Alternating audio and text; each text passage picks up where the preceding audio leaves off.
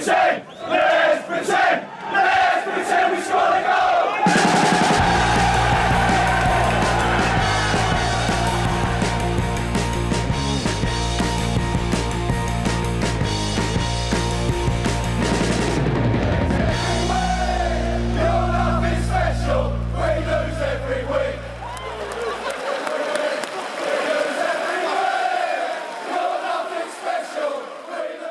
Sportbladets Premier League-podd, vi har ligacupfinal, vi har målvaktstabbar och eh, ett äkta hattrick.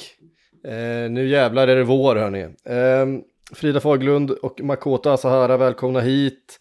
Eh, vi får väl börja med ligacupfinalen ändå. En inte så, i, ingen, i, inget fyrverkeri direkt. Eh, Du tycker aldrig att det är ett fyrverkeri, har jag märkt.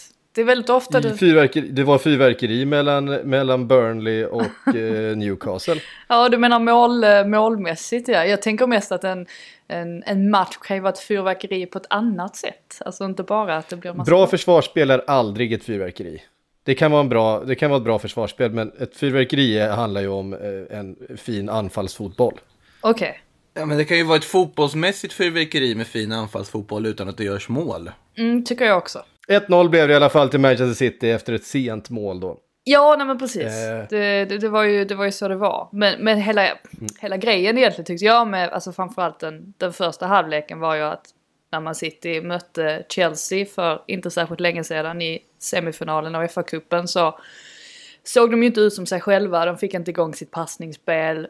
Gick ganska trögt. Chelsea fick matcher dit man ville. Utnyttjade kanterna eh, väl. Um, och så var det ju inte alls här utan här var det ju City som tog grepp om matchen omgående och dominerade fullständigt. Alltså redan efter 10 minuter så eller efter 10 minuter så visade ju statistiken att 1% av matchen hade utspelat sig på Citys planhalva. Och efter 17 minuter, herregud. efter 17 minuter stod City på 15 bolltouch i offensivt straffområde medan Tottenham stod på noll.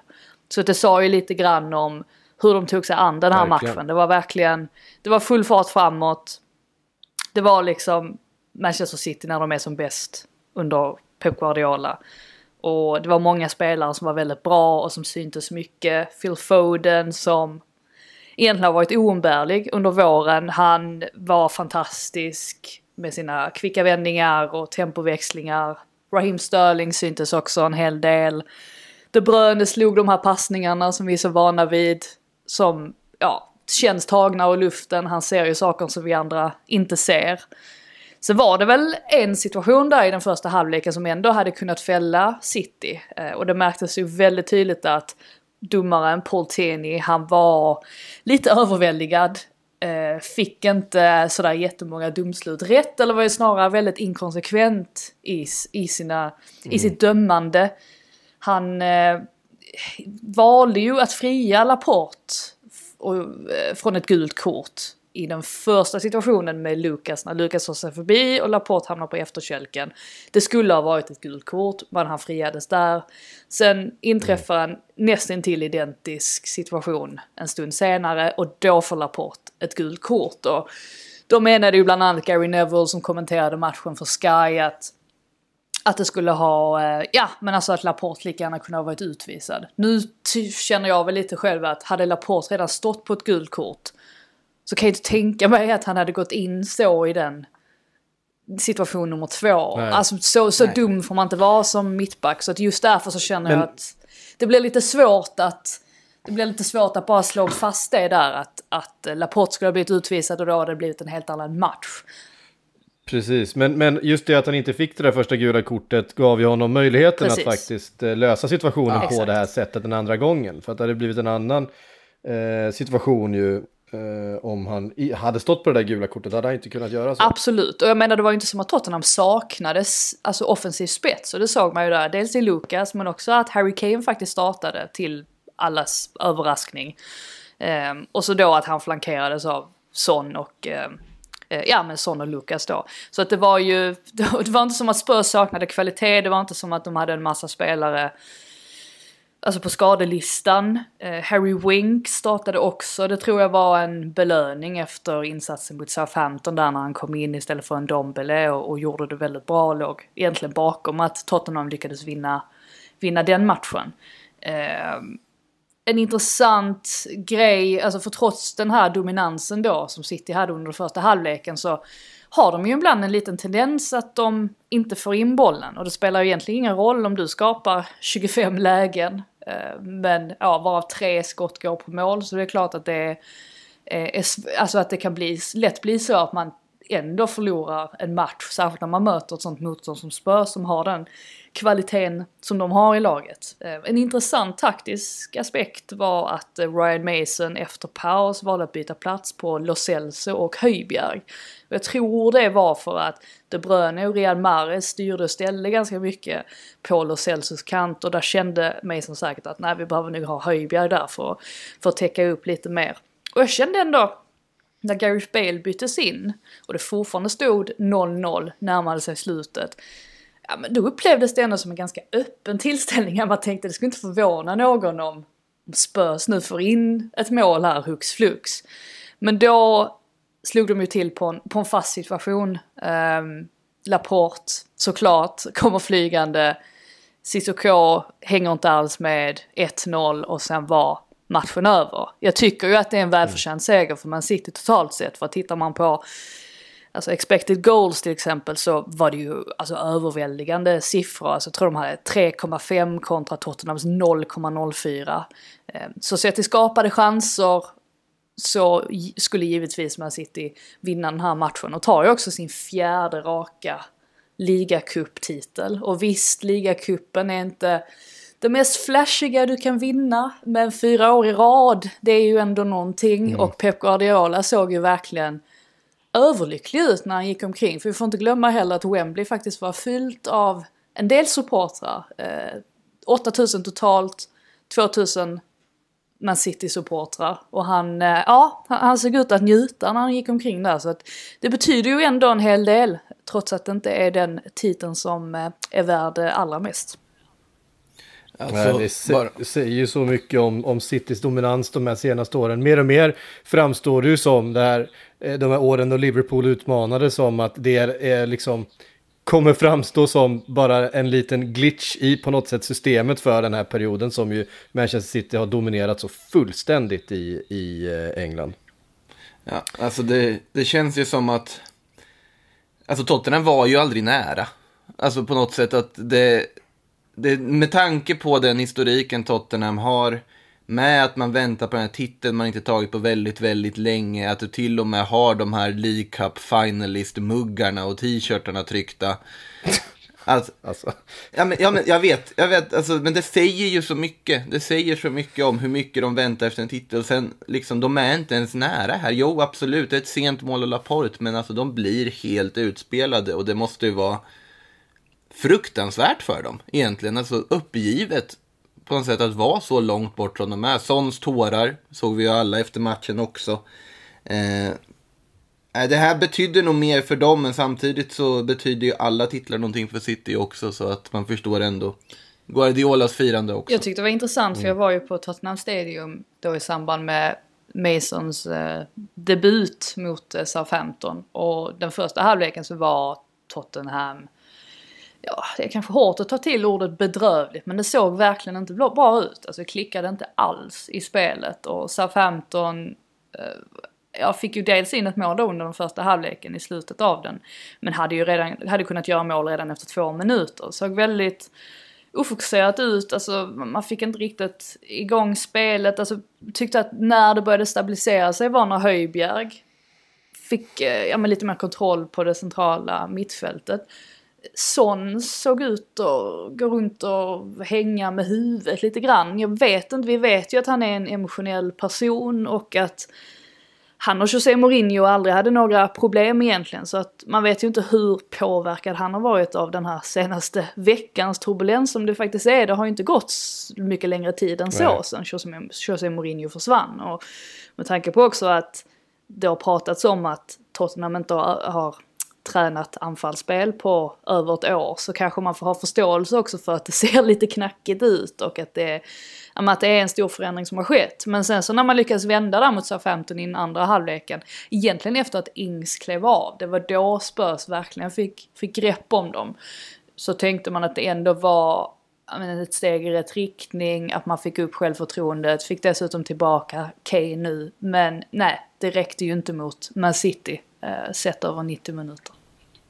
Det här var ju på något sätt en, en match också där man kunde få supporterleden att börja tänka på något annat än Super League och hur man tajmade Mourinho-avskedet med liksom hela det annonserandet, hela den soppan som var förra veckan. Jo, Det var på något sätt en... alltså vi, precis, Ja. vi pratade ju om det förra veckan ju, att, att det här var väl antagligen ett, ett ehm, ja men det här, att det här inte var, det, här var inte taget ur luften, det här var inte så att att det råkade komma dagen efter man släppte historiens mest avsky, Nej, nej, avskyvärda nej. pressmeddelande. Nej, såklart, såklart. Och det gör väl också, det... det- var ju intressanta uppgifter där med hur Mourinho hanterade det här beskedet på morgonen. Att han kom dit som vanligt och eh, skulle hålla i träning. Och sen så fick han beskedet och sen låste han in sig med alla spelare i ett rum och talade om för dem vad han, vad han tyckte om dem. Alltså vad, hur de hade... Hur, hur, hur, deras, in, hur de hade stått sig under säsongen. Och man undrar ju, man kan tänka sig att vissa av de spelarna fick nog sig rejäla avhyvlingar. Intressant också att se vilka spelare som hyllade honom eller tackade av honom på sociala medier. Där kunde man urskilja en del kanske kring vilka grupperingar det har varit i Spurs den, den senaste tiden. Så att, eh, ja, en, en eh, den- turbulent vecka minst sagt, får man säga. Fast en person som Mourinho tänker jag, om man låser in alla på ett rum, då tror jag faktiskt att det finns någon sorts medmänsklig alltså, aspekt hos honom. Att där tror jag snarare att det är, du ska, borde bli bättre på det här och att det snarare är liksom att han en och en går igenom för att bättra spelarna och ge dem för, Alltså det, det är känslan jag får av honom, men jag kanske är lite naiv där. Ett sista Eh, kvartssamtal.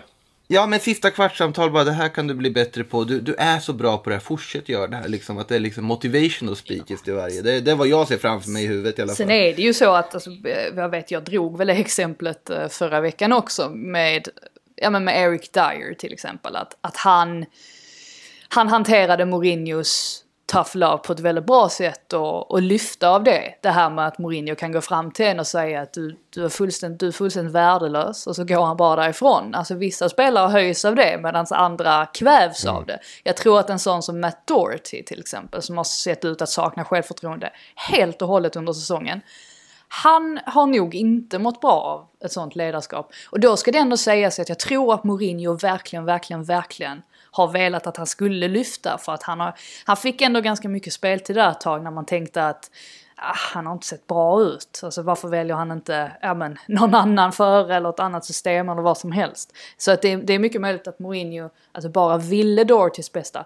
Men jag tror inte att alla spelare mår bra av den sortens ledarskap. Och Mourinho förändras ju inte heller trots att han ändå har stött på rätt så många situationer där det inte har fungerat. Alltså ta Man United till exempel, där han ändå hamnade i clinch med ett par spelare som inte alls mådde bra av det. Ja, men Luke Shaw inte minst då, som ja, men som, som har lyft nu istället under Solskär. Eh, Pogba verkar ju uppenbarligen inte tycka om eh, Mourinhos eh, ledarskapsteknik, eh, att döma av hans senaste, hans senaste intervju med, med Sky Sports, där han gick ganska hårt åt honom.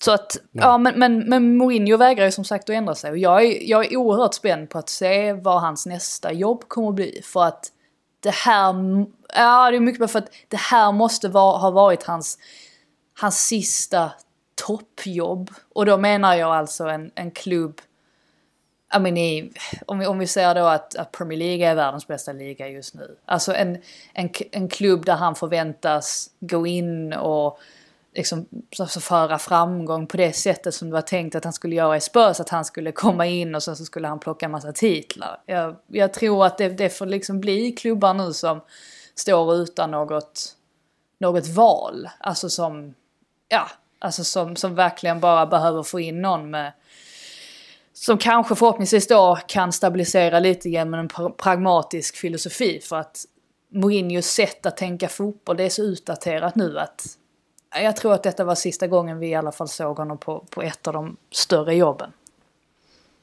Mm. Ja, men det, det är ju, det är ju, det har ju väl rått någon slags konsensus om att kanske redan efter Manchester United eh, var det många som sa samma sak och att han fick det här Spurs-jobbet var det ju många som höjde på bry- ögonbrynen åt. Men eh, vi får väl se, vi vet ju, eh, alltså Mourinhos ledarskap har ju varit omdiskuterad länge. Zlatan har ju hyllat det eh, till exempel och vi vet ju att han också trivs med den här typen av uh, auktoritära figurer. Ke- Kevin De Ehm. Bruyne ogillar ju det. Det vet man ju, har man ju hört, alltså Ja. historien om när Ja, när han kom in där, vad var det? Nu kommer jag inte ihåg det i detalj, men när eh, Mourinho eh, hade skrivit ut en massa papper på varför han inte spelade och, och satt bara och höll en genomgång av hur dålig han var. Alltså det var ju någonting sånt och det, det var ingenting som De Bruyne, ehm, ja, det var ingen, ingen ledarskapsstil som, som han, han tyckte om. Så att, men alla är ju olika, så är det.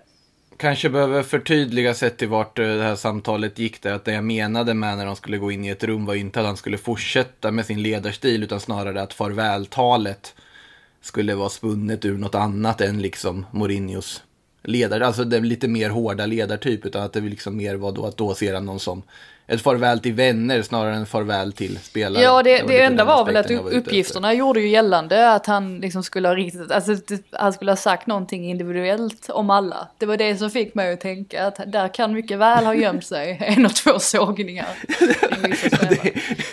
Men, ja. Ja. Alltså men en spontan grej som jag tänkte också på under matchen. Alltså att Tottenham inte mår så bra som klubb. Det är väl ganska liksom uppenbart. Nu ska man inte lägga någon vikt på eller skuld på Ryan Mason som kommit in i ett otacksamt läge och direkt behövt ta över. Men det var en situation där som jag reagerade på i matchen när det är väl Höjbjerg som har ska försöka passa ut bollen, kommit in i straffområdet fint, ganska fint anfall och sen slår en boll som Regilon inte är på. Och Höjbjerg får ju to, alltså blir tokgalen på Regilon, liksom, på liksom hela situationen. Och det känns som att det finns någon sorts, ja, det är inte harmoniskt. Och den liksom, den liksom uttrycket från Höjbjerg tyckte jag kändes också som att det här är inte ett lag som är i harmoni och letar en seger. Ska sägas att, Vet inte om ni noterar ska säga att, sägas att Reguljon var ju, han var under isen kan man säga. Särskilt de första, vad var det, den första, den första halvtimmen. Han hade ju noll koll på grejer. Eh, Men han är spanjor så jag skyddar honom automatiskt. Ja, nej men absolut. Men eh, där mådde han dåligt. Så mycket kan man eh, konstatera. Han hade ganska mycket att göra. Det tog ett tag innan han, innan han fick till sitt fokus. Men det är väl klart att de det är väl klart att de inte är där de, där de vill vara. Det som är fantastiskt ändå om man ser det på så vis är ju att de fortfarande ligger sjua i tabellen, en poäng bakom Liverpool, två poäng bakom West Ham på femteplatsen. Så att de kan ju mycket väl ta en, en ja, alltså en Champions League-plats känns ju svårt, men i alla fall en Europaplats. Ehm, så att den chansen finns ju. Uh, tycker ju i övrigt att det är häftigt att se Ryan Mason som, som tränare. Uh, vä- väldigt oväntat. Verkligen. Väldigt oväntat. Ja, men det, det gillar man ju. Eh, Alltså, den typen av stories såklart. Så får vi se vad han, Ja. vad han kan göra av säsongen om han kan få ihop den här gruppen. Jag vet inte hur många utav dem som är i Tottenham just nu som liksom känner eh, Ryan Mason så väl. Harry Kane är ju gammal, de, de kom ju ehm, alltså ur akademin ihop, han och, och Mason. Och det är väl egentligen det viktigaste kan jag tycka. Visst, nu är inte Kane kapten, men han är ju ändå den, den viktigaste spelaren. Och har han bara med sig Ja. honom, å andra sidan så hade ju Mourinho med sig Kane och det, det hjälpte ju inte jättemycket eh, mot slutet. Men ja, det är väl ändå viktigt att de, de största, de största profilerna i laget, att de är på, på Masons sida. Såg för övrigt nu att verkar som att Bayern har bekräftat att Nagelsmann kliver in. Så att det... Alltså jag tycker det är så tråkigt. Ja men där, där, tycker det är försvinn, så där försvinner ju Spurs första alternativ. Så är det ju. Ja. Inte, inte på grund av Spurs-aspekten utan bara att den mest intressanta tränarna, det in- intressanta namnet i Tyskland, återigen hamnar i Bayern München när Bayern München pekar på det. Det är klart Nej. är. Ja, såklart han gör det, men jag tycker fortfarande att det finns något. Jättekul för Bayern, men nej, som ob- objektiv tittare så är det, det är inte roligt. Nej. Ja, eh, grattis till ligaguldet säger vi då till, eller till ligacupen säger vi till, Ja, vi eh, vi säga. kan säga grattis till ligaguldet också för den delen, för det är rätt, det, det loppet är rätt kört. Ehm, till Manchester City. Ehm, I ligan däremot, eh, Arsenal-Everton från i fredags. Eh, ett par intressanta situationer.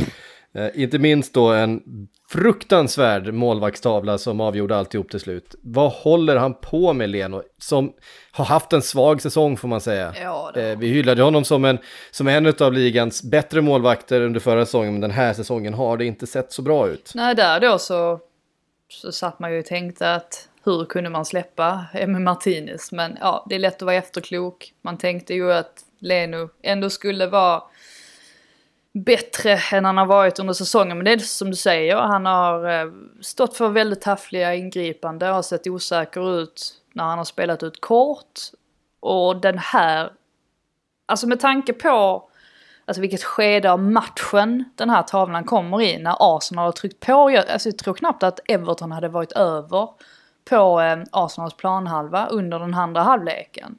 När Richarlison tar sig förbi Xhaka och Leno fumlar in bollen helt och hållet på egen hand. Alltså det är ju ett sånt, alltså det är ju sånt komiskt självmål. Och med tanke på vilket läge eller vilket skede av matchen det kommer i så är det ett av de värsta självmålen jag någonsin har sett. Att jag, jag var helt mållös. Ja. Eh, jag tror ju Arsenal-supportrarna kunde ju hållas för skratt.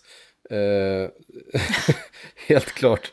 Men ja, det, det, är, det är så dråpligt. Jag vet inte vad man ska säga. Eh, annat än att det är liksom... Det är, på, det är Arsenal just nu på något sätt också. Ja, det är För det. att de har ju en situation innan där ehm, det blir straff. Men PP...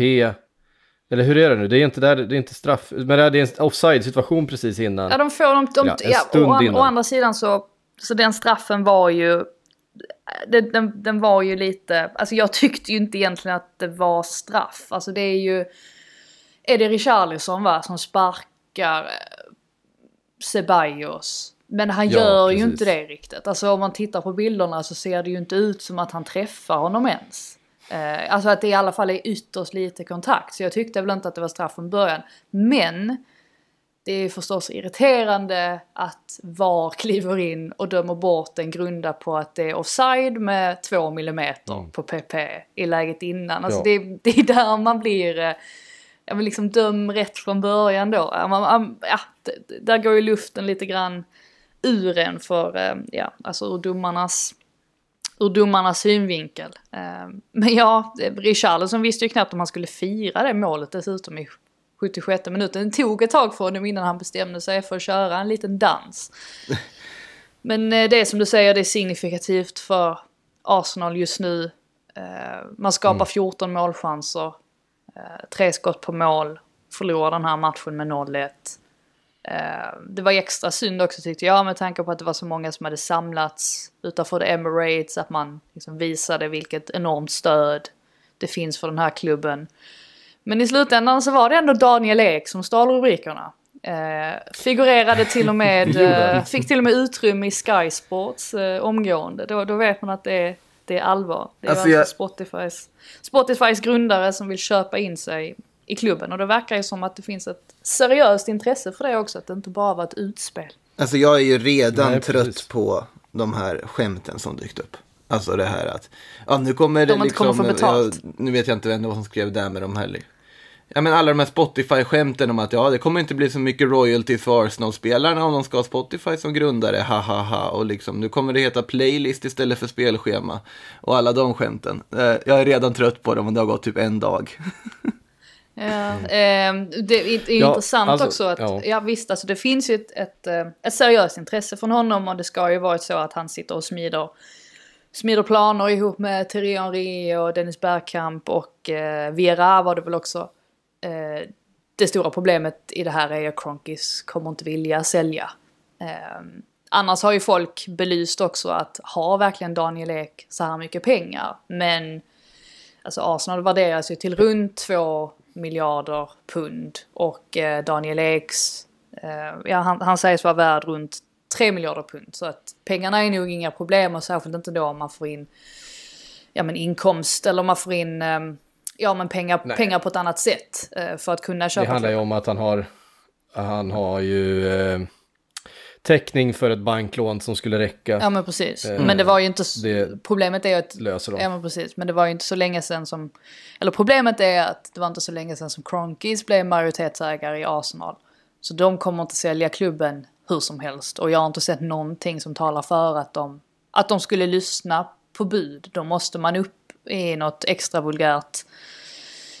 En extra vulgär summa. Och det är frågan om ja, om de, om de kan göra det ens. Så att, eh, men intressant hur som helst. Kul med lite, lite svensk, eh, svensk vinkel på det hela inte minst. Det är en viktig aspekt Verkligen. att lägga in i det där också eftersom att i och med hela Super League-fadäsen så är ju alla pratar ju om att alla klubbar ska byta ägare och sälja så att de måste ju flytta på sig de där giriga ägarna nu och då har ju liksom Ek historien dykt upp en ganska bra timing men det är väl bra att komma ihåg att bara för att alla tycker att Gronky borde sälja så kommer han inte i själva verket göra det.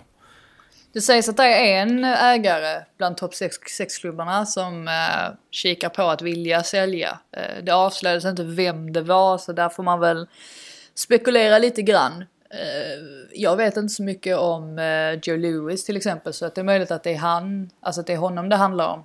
Men eh, jag tror inte att det är Kronkes i alla fall. Det, det tror jag inte.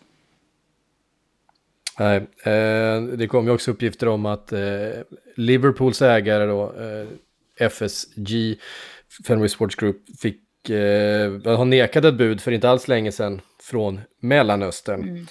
Eh, för sin klubb. Det ska de ha tackat nej till och eh, ska väl uppges väl inte vara, vara intresserade av att sälja just nu heller trots fadäsen med eh, superligan. Ehm, ja, vi kan väl gå från, eh, från Everton Arsenal då till eh, Liverpool eh, Newcastle. En, en galen match. Ja, snälla, på- snälla uttryck dina känslor eh, efter det här för att Ja, alltså det, det, grejen är ju, vi har, vi har pratat om de här mentality monsters hela säsongen, att de är borta. Men Mm. den här kollapsen, mot, särskilt mot slutet där, det var ju verkligen Ja. tydligt att nej, de, de är verkligen inga mentality monsters längre. Och jag antar att du kände samma Nej, det sak. har ju rasat, rasat totalt den här säsongen för dem. Ehm, tyvärr, eh, tycker jag då. Ehm, och det, det är så uppenbart, de skapar så fruktansvärt mycket målchanser och spelar riktigt, riktigt bra. Första målet kommer ju, alltså allt är upplagt för att det ska bli en ganska enkel seger. Eh, fint mål, Salah tidigt, man har kontroll på matchen, man skapar en massa målchanser. men- Manés miss där är ju, är ju helt sjuk Ja. egentligen. Eh, och man, Mané, Smith, ja men det är så mycket, det är, det är så mycket grejer och man, man blir, alltså Newcastle bjuder på det ena och det andra och det, det är liksom, men det går inte. Men det jag tyckte var lite intressant ändå var ju att Newcastle rann ju ändå igenom ett x antal gånger under matchens gång. Det var ju inte som att de alltså, helt saknade lägen heller. Alltså Liverpool hade ju mer konkreta lägen, alltså såklart lägen som man skulle sätta också, som exempelvis i fallet med Mané. Men det var inte som att Newcastle var ofarliga under matchens gång. Det tyckte jag var lite intressant. Nej, och där är ju eh, tydligt igen då att, att när Fabinho inte spelar på mittfältet så blir det lite ihåligt där. Ehm, det, det har vi sett ganska många gånger nu och, och eh, nu är Nat Phillips skadad så att ja, det, ingen mittback ska ju få spela mer än fem matcher. Nej, men jag, jag tänker eh, i ben, ben Davis, han är ingen favorit eller vad, vad händer med honom? Ja, Jag vet inte vad som har hänt där. Alltså, vad, vad, om man har varit så klappkast på träning så att eh, Klopp vägrar spela honom. Jag vet faktiskt inte vad det är som har hänt där, men det är ju eh, det är synd om honom. Eh, för att han är ju där och han ska ju vara frisk, eh, men han får ju inte spela. Eh, och han är ju inköpt för att vara en backup. Han är inte ens i truppen. Eh, nej. Ehm, och ja, nej, jag vet inte riktigt vad man ska... Nej, frågan är... Göra av det. Nej, frågan är också lite med... Man, är, man vet ju vilka kvaliteter han egentligen besitter och vilken nivå han kan komma upp till. Men det går ju inte att komma ifrån att både Mané och Firmino, de ser ju inte riktigt ut som... Ja, alltså de, de har ju ingen, ingen spets längre. Det är nästan som, de har ingen killerinstinkt i, i boxen. Um, där där har de ju ett problem, Liverpool såklart. Oh ja. Nej, så är det ju verkligen. Alltså det, det, det, det är samma sak som har fattats länge nu. Eh, och det är ju målskyttet och det, Sala fortsätter göra mål men ingen annan bidrar. Och då... eh, Och Salah gör mål men han kan ju också missa en del. Men han sätter, Ja, i, alla fall, han sätter i alla fall någon och då, då kör han upp dem som han gjorde alltså med 1-0 målet här som ju är alltså det är ju ett riktigt högkvalitativt avslut får man ju säga. Ja, det är ett suveränt mål. Ja, ing, det, det, det, det är så bra det kan bli i stort sett. Nedtagningen, vändningen och så avslutet. Men, och, och det är det jag menar med den förutsättningen med att man får det målet så tidigt och det stämmer och spelet är där och vi har dagen idag. Utifrån den utgångspunkten att vika ner sig på det sättet som man gör. Eh, att man inte bara släpper in ett mål utan faktiskt två mål de sista liksom, två minuterna av matchen. Även om det första målet då blir eh, bortdömt. Eh, felaktigt kan jag också tycka. Alltså jag vet att regeln Ja. antagligen är, skri- eller är väl skriven sån att den Det- minsta touch på handen i en sån situation. Men jag menar vad fan ska han göra? Han har handen in till sidan, den studsar upp på honom. Eh, det där tycker jag är... Ja, eh, ibland tycker jag också att man får, för att här var ju så rasade ju folk mot VAR igen. Och jag tycker väl lite grann att ibland måste man ju skilja på det också. Alltså när är det egentligen VAR som inte fungerar och när är det regeln som är galet Det skriven. här är ju regeln. Och, och den här regeln har ju förändrats en gång under säsongen. Om vi tänker på um, Josh Maja-målet som blev bortdömt det. i Fulhams möte med Spurs. Och då ändrade man den regeln dagen efter att det får lov att vara hands i momentet innan. Eh, men fortfarande inte den som gör själva målet då. Och det är det Wilson eh, faller på här. Eh, så att ja, det är mm, såklart, alltså det var ju det var hårt bortdömt. Men samtidigt så tycker jag att det är helt sjukt egentligen att Joe Willock får komma in ännu en gång och göra ännu ett mål då på Liverpool trots att de har släppt in ett mål två minuter tidigare och haft tur då och fått det bortdömt. Jag vet inte, det är... Man blir förvånad över att se alltså hur man kan vara så fragila som Liverpool uppenbarligen är just nu.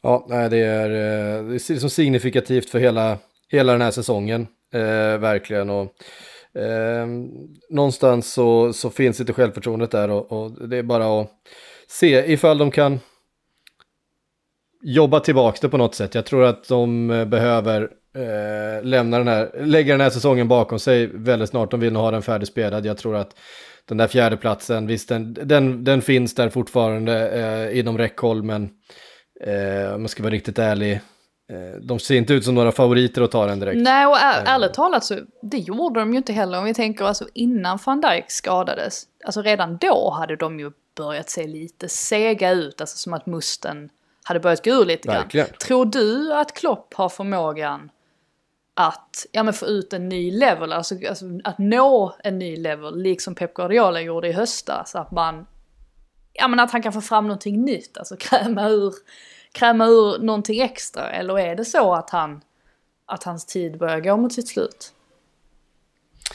Ah, jag tror, att, eh, jag tror att Jürgen Klopp har ganska mycket mer att ge. Jag tror inte det har så mycket med, med det att göra. Men det, det är klart, jag, en sak eh, är att ehm, den där fronttrion som har varit så viktig för dem, eh, den borde kanske ha eh, brutits upp redan inför den här säsongen. Men så kom hela pandemin och jag, på något sätt så tror jag väl ändå att, eh, jag vet inte om det var planerat så, men det är klart att man har planerat för att att eh, en framtid utan Mané, Salah, Firmino eh, kanske kommer det nu till sommaren. Jag, jag har känslan av att, att någon av dem kommer säljas. Jag hoppas att det inte är, att det inte är eh, Mohamed Salah, men det är det väl förmodligen. Ja, det är väl han som vill, alltså men där hänger det ju också på alltså hur, eh, vad som händer i, i alla de andra klubbarna. Alltså vilka spelare lyckas Real Madrid värva Ja. exempelvis? Vad har Barcelona råd att värva? För Mm. att det är ju det är ganska självklart att Salah vill bort. Annars hade han ju inte hållit på att flörta med, med spanska tabloider på det här sättet som han gör. Men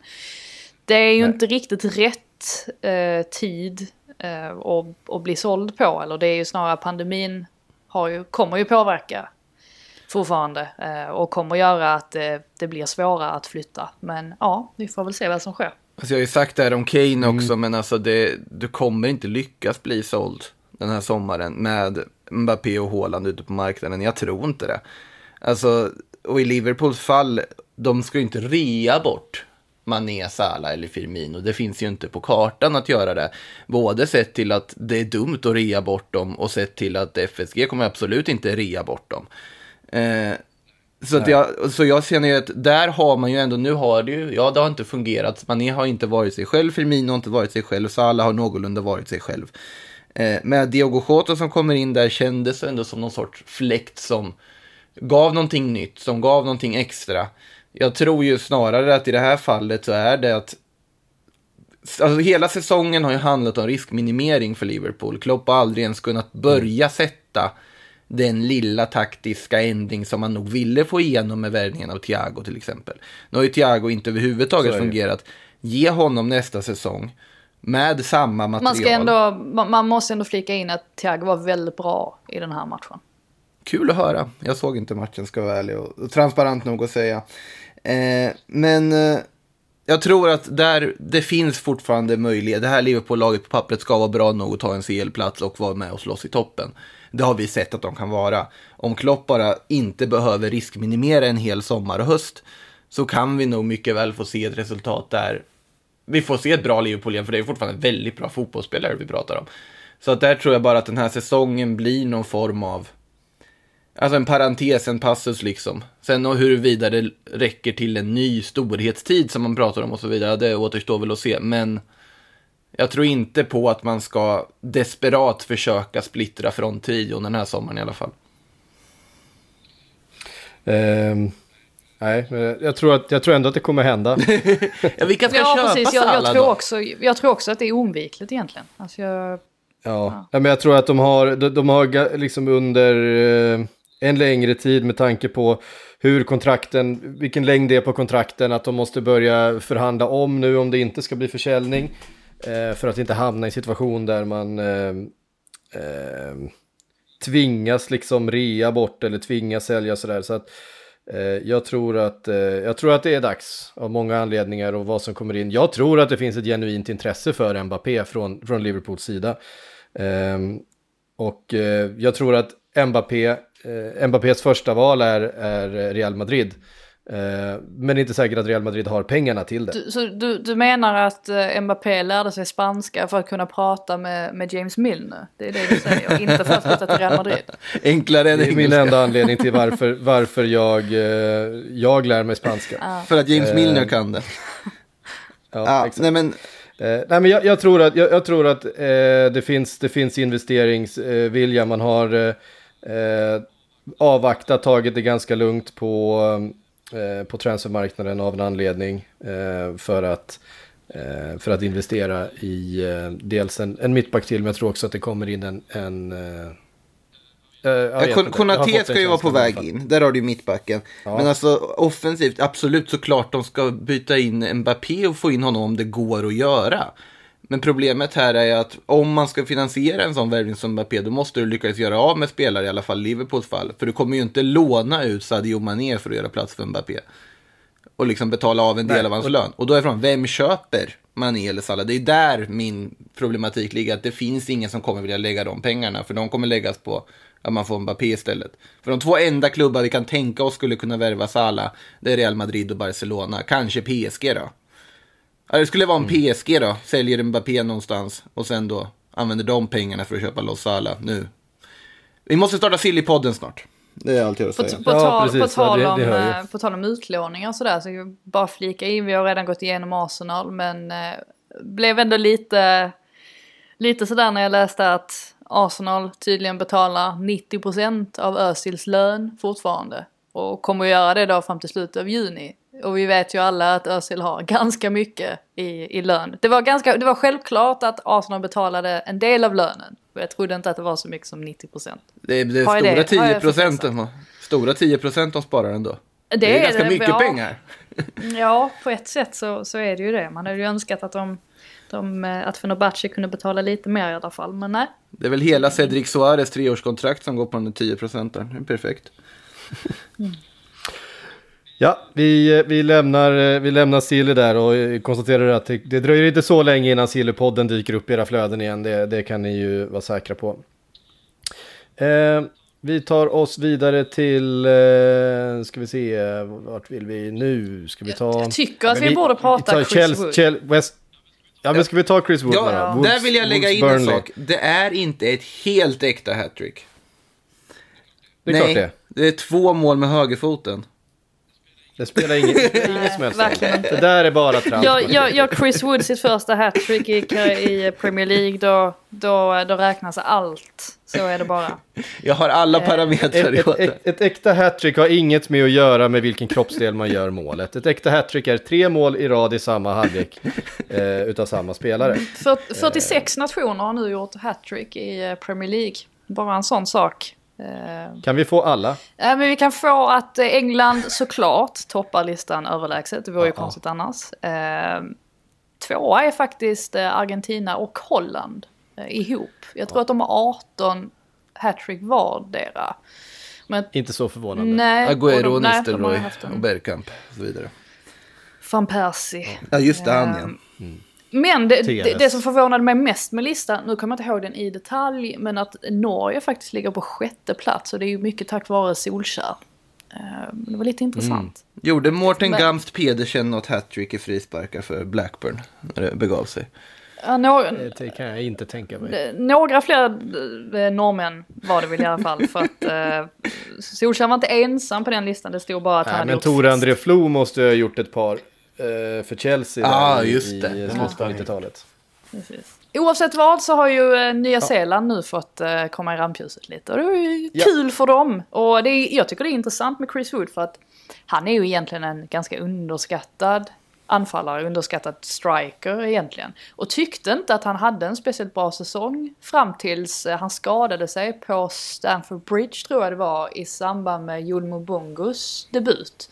Och var borta ett tag. Och kom tillbaka som en helt ny spelare. Tyckte att han var väldigt bra mot eh, Man United också trots att Burnley ju förlorade den matchen. Ganska knappt ändå, det tog ett tag innan eh, eh, ja, alltså innan United liksom kunde döda den matchen. Och, eh, och här fick han ju verkligen utdelning omgående. Sen ska det ju sägas att Wolves var Wolves var inte ens där. Det var som att de redan har checkat ut och tagit semester. För att äh, det kan ha varit Bolys sämsta insats i Wolves-tröja någonsin. Cody var totalt överspelad. Ja, det var, eh, det här var, det det här var ingen insats som man är speciellt stolt över som Wolves-spelare, definitivt inte. Och man har inte så mycket att skylla på heller, för att i tidigare fall när man har kollapsat så har man kanske haft många spelare på skadelistan. Eh, ja, alltså att det har varit eh, oflyt och så vidare. Här är det faktiskt att man bara är direkt dåliga och Burnley utnyttjade det på ett alldeles ypperligt sätt och eh, ja, vinner den här matchen totalt välför- välförtjänt också. Så att eh, oväntat resultat, men kul för Burnley, kul för eh, Sean Dyche. Alltså, eh, det första målet som Chris Wood där gör. Duellen Chris Wood, Connor Cody där, det är sån jävla Championship level på allt som händer i den aktionen. Det, det är alltså tempot i löpningen, eh, balansen i försvarsspelet, dribblingen som studsar lite fram. Ja, det, är liksom, det är inte speciellt bra gjort av någon av dem. Ja, det är det är ju bra gjort av Chris Wood får man säga. Han är ju ingen... Eh, han är ingen San Maximan direkt i sina dragningar, utan han spelar efter sina, sina förutsättningar. Men Det var nog fint över det. Eh, det, det kändes, det kändes eh, brittiskt och härligt och eh, Ja. eh, i, slut, i slutändan ett, ett, ett väldigt Chris Wood-mål. Och det är väl, och är det Traoré som slår bollen helt där på 3-0 målet va? Som gör Ja, McNeil kan Vad är det för beslut? Ja, alltså, vad är det för passning? Väldigt ofokuserat från Wolves. Ehm, och, ja, man blir lite konfunderad kring, kring hela deras säsong för att, eh, ja alltså nu ligger de 12 Det är klart att man, de kan skylla på det här att Jiménez åkte på sin skada och så vidare. Men det går inte att komma ifrån att de har underpresterat sett till ja, men tidigare säsonger och vad man kanske hade för förväntningar på dem. Eh, och det här var ju verkligen, eh, ja det, det här var, eh, nej det, det här var inte kul. Jag, jag klandrar inte Wolves-supportrar som stängde av efter 20 minuter för att det här såg, såg ut att bara gå åt, åt ett håll. Alltså Wolves ska ju vara glada att det är så många toppklubbar i Big Six som har underpresterat den här säsongen. För annars hade ju de fått så mycket skit för sin säsong de har gjort. De har ju på något sätt underpresterat under radarn. vi vi har ju pratat om det och noterat det att ja, det här är inte så bra för Wolves. De ser inte riktigt så bra ut. Men alltså, sett till, det är ändå ett spelarmaterial som vi likaställde med Leicester inför säsongen. Alltså, eller vissa gjorde det i alla fall. Eh, och sen ja, såklart Raúl Jiménez otroligt saknad som, som du sa Frida. Men eh, det, man får ju inte förlora med 4-0 mot Burnley. Det är ungefär som att det känns som att spelarna försöker få Nuno sparkad för att få in Mourinho som är ledig nu. Eh, det, det, alltså, jag vet inte vad annars. Sen, in, inget, inget ska ju tas ifrån Chris Wood naturligtvis, men eh, vad gör Wolves? Ja, och det som är Nej, intressant var- också är ju det här med att Nuno faktiskt ryktas till Spurs. Bytet? Och, och man blir... ehm, man blir lite konfunderad för att som sagt i den här matchen så spelar de ju återigen med en trebackslinje. Så de har inte det, de har inte det att skylla på heller. Eh, för att annars har vi ju sett att de kanske har, har sett lite obekväma ut när de har försökt ta på den här fyrbackslinjen. Men jag blir inte riktigt klok på hur skicklig Nuno är som tränare. Alltså det är, det är klart att i en annan miljö så hade han kanske haft större möjlighet att, att visa vad han går för. Men han har ju inte riktigt lyckats få igenom de förändringarna han har velat den här säsongen, alltså i deras spelsätt. Jag har reservation kring hur bra han egentligen är faktiskt. Eh, sen kan det ju vara så, han har varit ett tag i, i Wolves nu. Det är väl klart att... att eh, sen tror jag ju inte att, jag tror inte att Wolves vill bli av med honom på något sätt. Jag tror att man värderar honom väldigt högt. Jag, jag kan inte tänka mig att fansen skulle vilja ha bort honom. Men jag tror nog att Wolves behöver en ordentlig genomgång, alltså se till vilka spelare man har. Eh, för att, ja, någonting behöver nog hända i alla fall till, till nästa säsong. Så mycket kan man slå fast. Jag håller med om dina Nuno-tvivel, för att det är ju ändå en tränare som är formad i Mourinho-skolan och Mourinho-skolan, hur dagsaktuell den är har vi redan gått igenom. Och Nuno går ju egentligen under samma kategori, måste vara en lite modernare version. Ja, det får man säga. Eh, vi ehm, eh, kommer väl spekulera mer i, i eventuella Spurs-tränare framöver, eh, kan man förvänta sig. Vi går vidare till eh, West Ham-Chelsea. 1-0 till Chelsea. Viktig seger i den där eh, eh, kampen om fjärdeplatsen, helt enkelt. West Ham jagar ju Champions League, sensations, sensationellt gör de det. Men här blev det inga poäng och alla tre till Chelsea efter en, en fin Chelsea-match igen. Eh, West Ham hade, hade lägen helt klart men eh, kändes som en rättvis seger. Målet av eh, Timo Werner dessutom, det ser man ju inte varje dag. Ja, alltså Chelsea kändes ju som det bättre laget. Och tyckte inte att West Ham riktigt kom upp i, i sin... De brukar överprestera och det, det gjorde de inte i den här matchen och Lingard såg lite, lite trött ut, lite lojare ut än vad vi har blivit vana vid att, att se honom. Så jag tycker väl att Chelsea vinner den här matchen rättvist. Sen är det klart att det här röda kortet i den 81 minuten på Balbuena, det det, det kanske inte avgjorde så mycket sett till resultatet men det är klart att det hade en, en inverkan på matchen. Um, och det har ju, ja, alltså jag måste säga att jag tycker att det är ett helt sjukt rött kort. Eh, jag är oerhört förvånad att det där resulterar i en utvisning.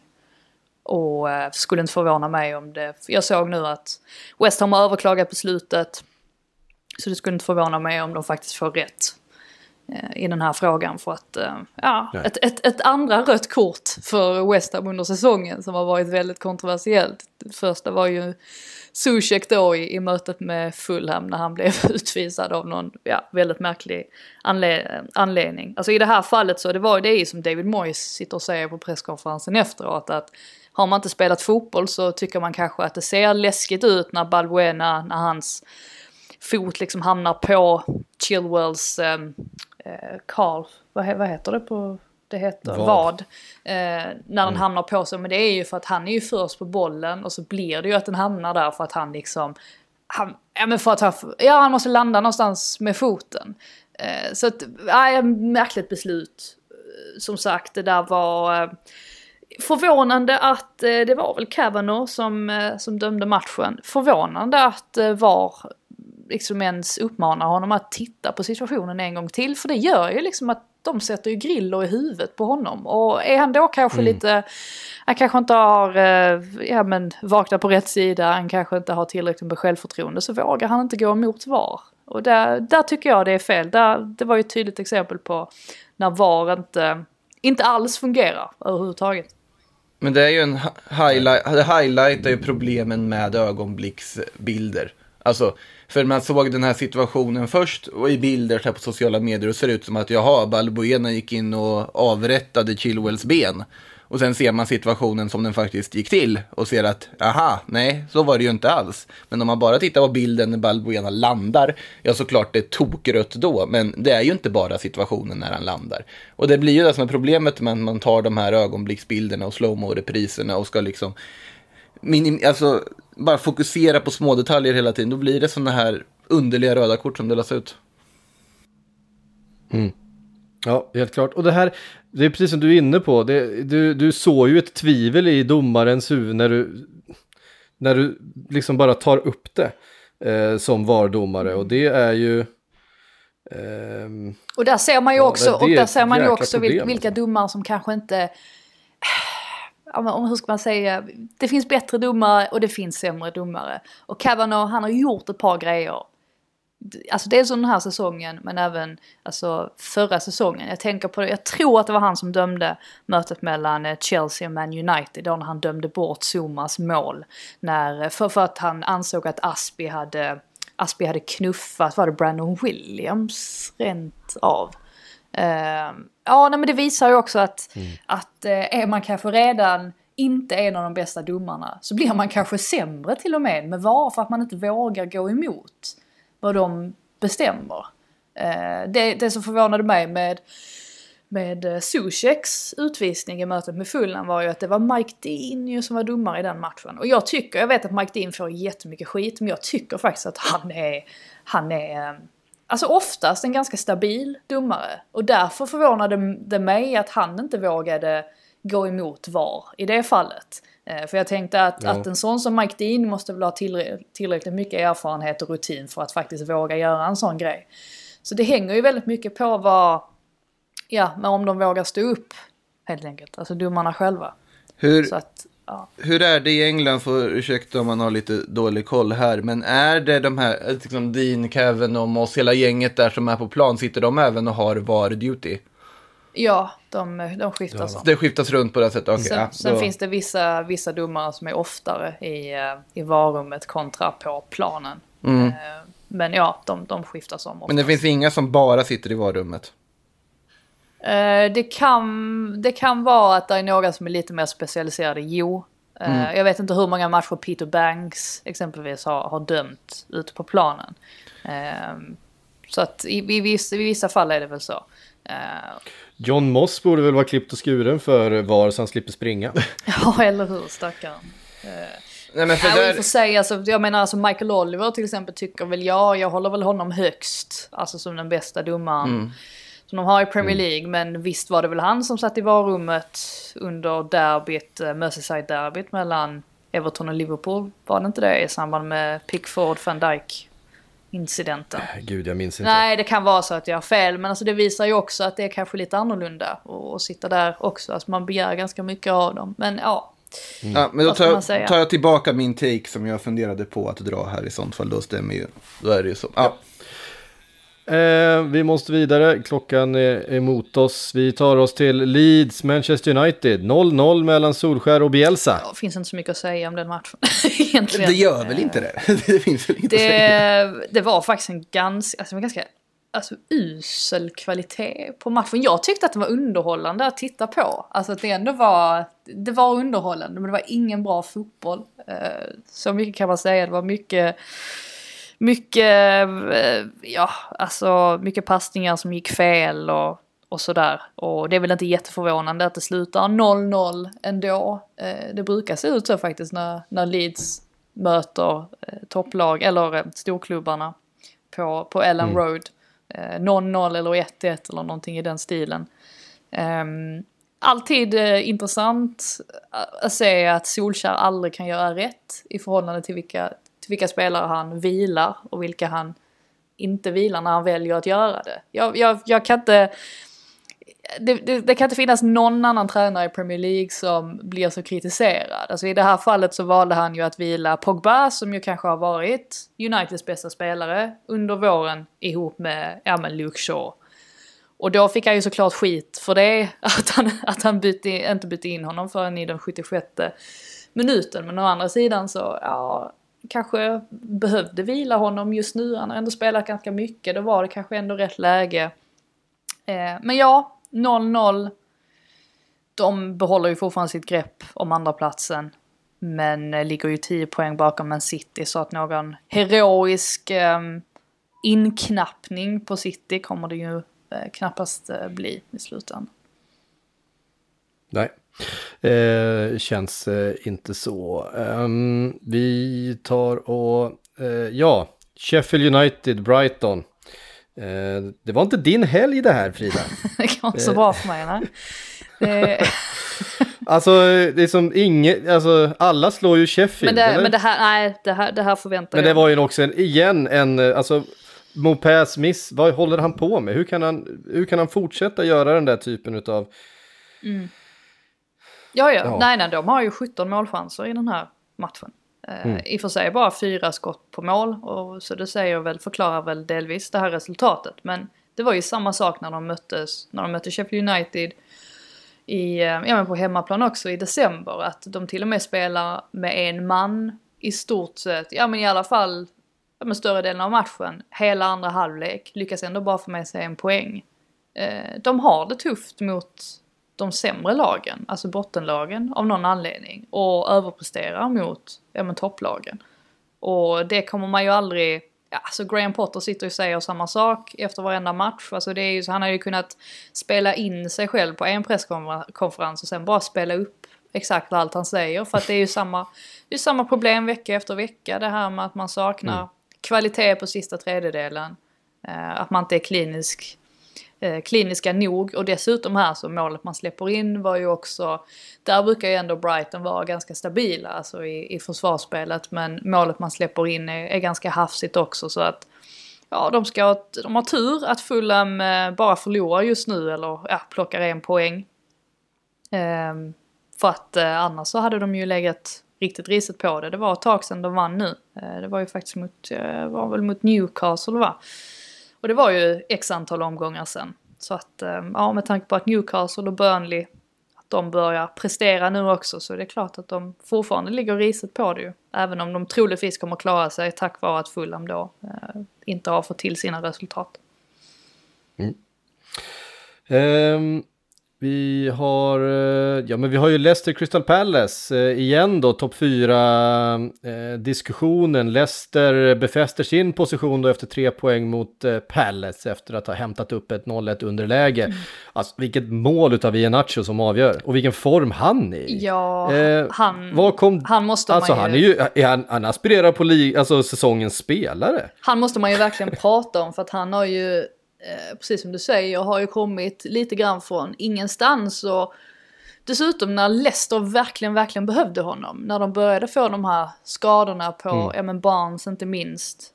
Um, och så får han komma in och ja, men mycket ändå hänger på honom och Vardy är inne i någon sorts svacka.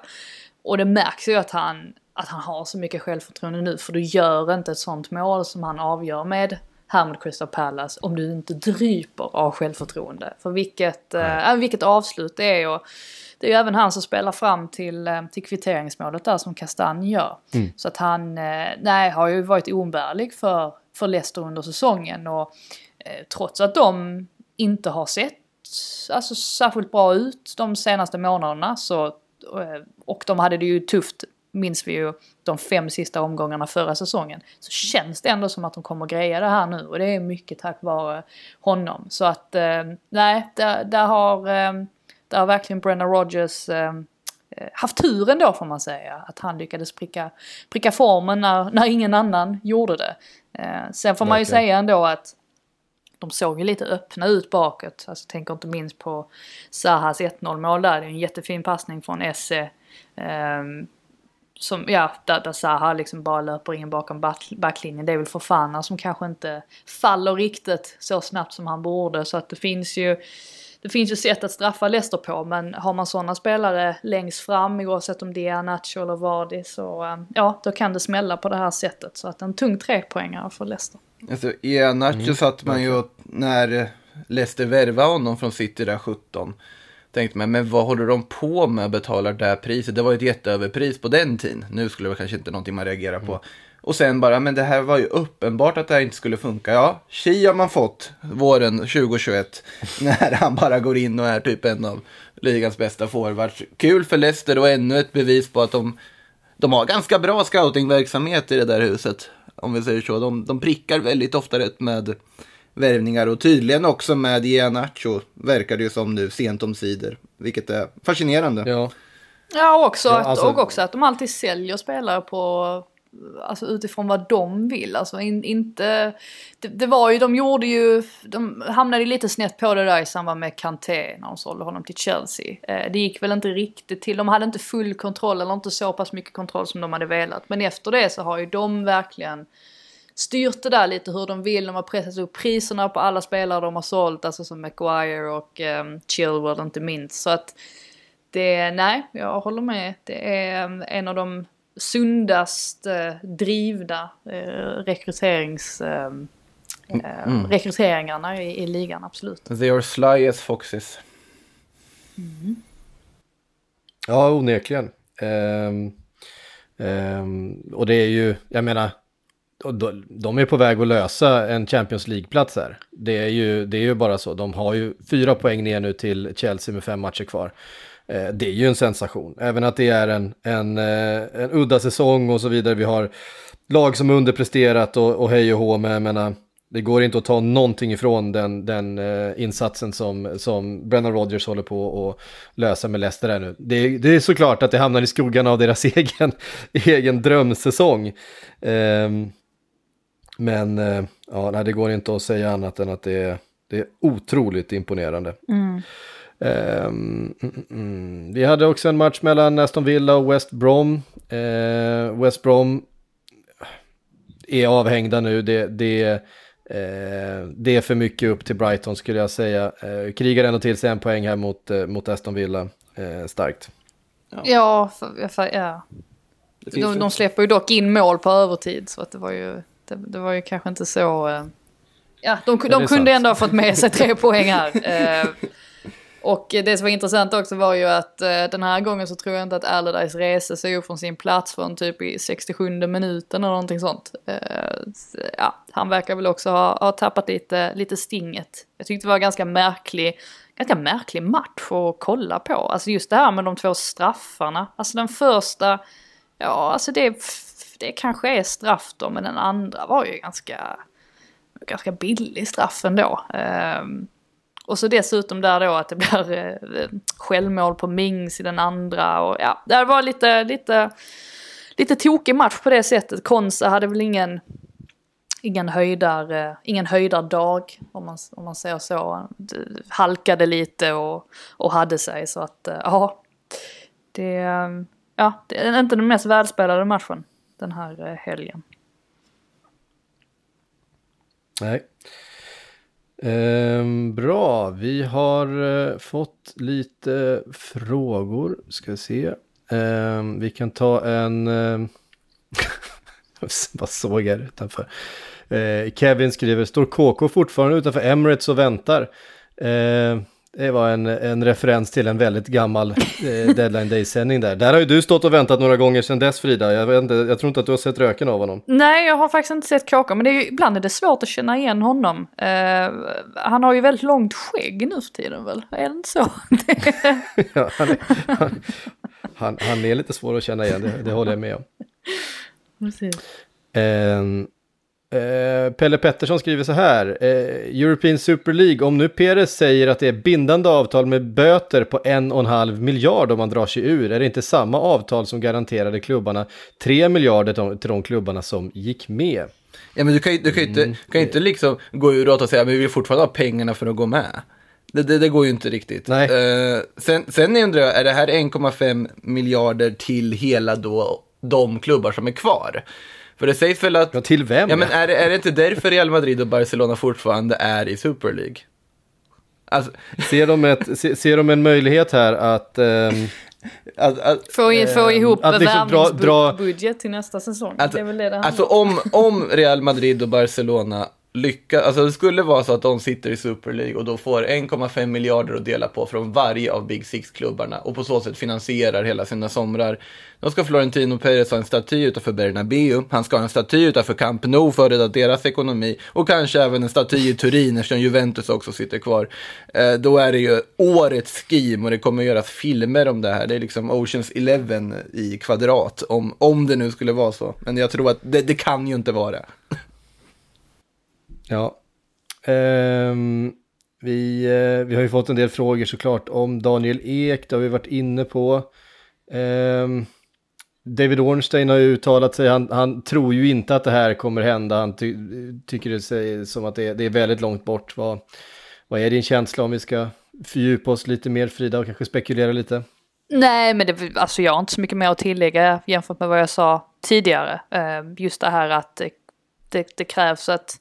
Det är väl klart att det ser ut... Alltså jag tror mycket väl att Daniel Ek vill köpa Arsenal, men då krävs det att Kronki vill sälja och det är det Ornstein är inne på också. Att de kommer troligtvis inte vilja göra det och eh, ja, då, då finns det inte så mycket att prata om helt enkelt. Så att just nu så ser det ju ut som att det är någonting som, eh, som inte kommer att ske helt enkelt.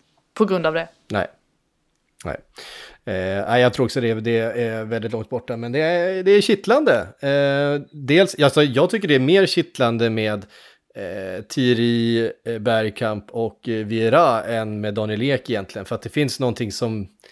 Eh, alltså jag förstår att Daniel Ek har liksom varit Arsenal-supporter hela sitt liv eh, och så vidare, men det finns någonting med de här gamla spelarna, gamla Invincibles som ju brinner för Arsenal fortfarande och som, som ju uttryckligen eh, har vid många tillfällen sagt att de lider med vart Arsenal befinner sig just nu. Och eh, kan de få en finansiär och vara en del av eh, någon slags åter, återtåg, det skulle ju liksom vara fint. Det skulle vara någonting som toppfotbollen kanske behöver snarare än fler miljardärer eh, in. F- fan vad Henri och Vera, vad de hade velat kliva in där som, som tränare också. Det, det känns ju som De det. hade ju däremot, de hade ju tyvärr kört skiten i botten. Men det är ju det som om de kommer gjort ske det. om de ska vara med på tåget. De kommer ju ta tränarposten. Det, det får du ju räkna med då. Så antingen ska man ha en ägare som tycker om klubben och så får du liksom nostalgibaserade tränarval. Eller så har man eh, Kronke som inte har någon så mycket nostalgi och eh, ja. Men eh, jag håller med dig, det är såklart det är lite Och kittlande. ändå anställde. Och ändå anställde på nostalgi att, eh, i och för sig. Men det är inte samma det, nostalgi. den teorin kollapsade. Ja, det, det gör mina flesta av mina teorier Frida, det, det är du väl medveten om. Yes. Och visst hörde ni, eh, det var faktiskt allt vi hann idag. Eh, vi får väl se om Daniel Eks intresse kvarstår, om Kronke kan vara intresserad av att sälja. Det, det eh, känns inte så sannolikt. Vi just bjuder nu. hit honom till podden, Eh, om man lyssnar. Ja, exakt. Vi får säkert återkomma till det under eh, säsongen som är kvar. Eh, hörde tusen tack Frida och Makoto för att ni var med. Tack så mycket för att ni har lyssnat. Eh, Sportbladets Premier League-podd är tillbaka, tillbaks om en vecka igen.